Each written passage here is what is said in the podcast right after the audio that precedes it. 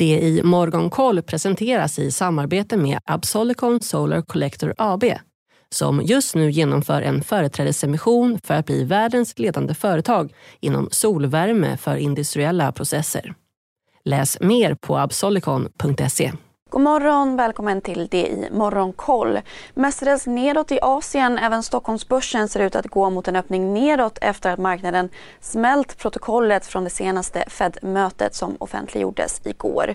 Flera av centralbankens ledamöter ville höja räntorna med 50 punkter redan vid det senaste mötet.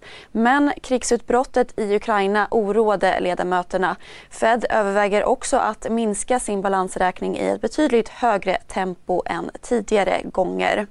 Hongkongbörsen, Shanghaibörsen och Shenzhenbörsen backar omkring 1 Tokyobörsen är ner närmare 2% Bland enskilda bolag rapporterar Samsung Electronics en 50-procentig ökning av rörelseresultatet i det första kvartalet men aktien backar trots det en halv procent.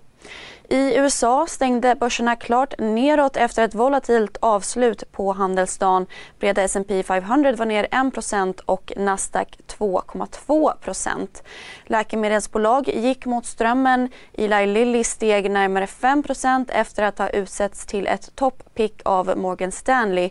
Pfizer samt Johnson Johnson steg 3,2 respektive 2,6% Även oljebolagen Chevron och Exxon Mobil steg omkring 1 samtidigt som oljepriset föll tillbaka under gårdagen på uppgifter om att den internationella energimyndigheten IEA planerar att öppna reservkran.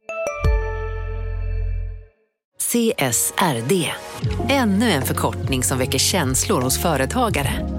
Men lugn, våra rådgivare här på PWC har koll på det som din verksamhet berörs av. Från hållbarhetslösningar och nya regelverk till affärsutveckling och ansvarsfulla AI-strategier.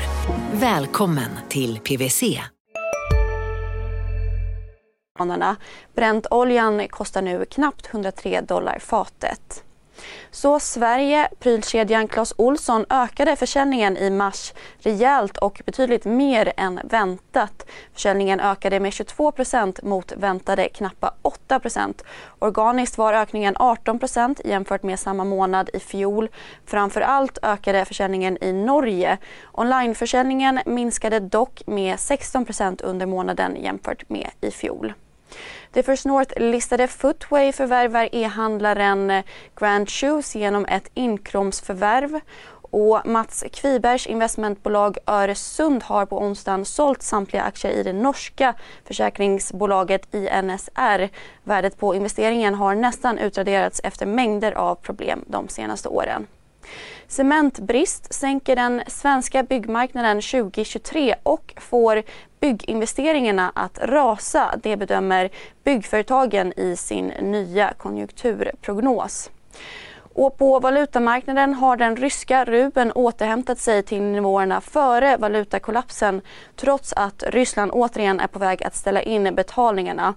Rubeln har stärkts av stödköp från Rysslands centralbank och stabiliseras av att utländska investerare inte kunnat sälja ryska tillgångar. Rubeln står nu i 80 rubel per dollar. Under dagen ser vi fram emot rapporter från investmentbolagen Creades och Industrivärden. Missa inte heller Börsmorgon klockan 8.45 och Börskoll klockan 2.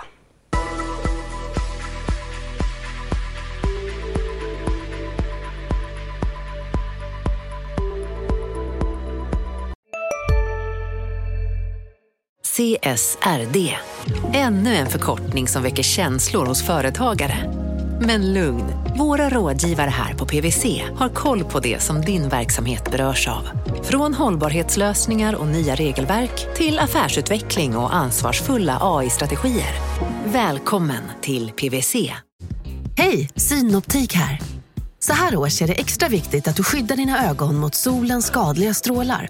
Därför får du just nu 50% på ett par solglasögon i din styrka när du köper glasögon hos oss på Synoptik. Boka tid och läs mer på synoptik.se. Välkommen!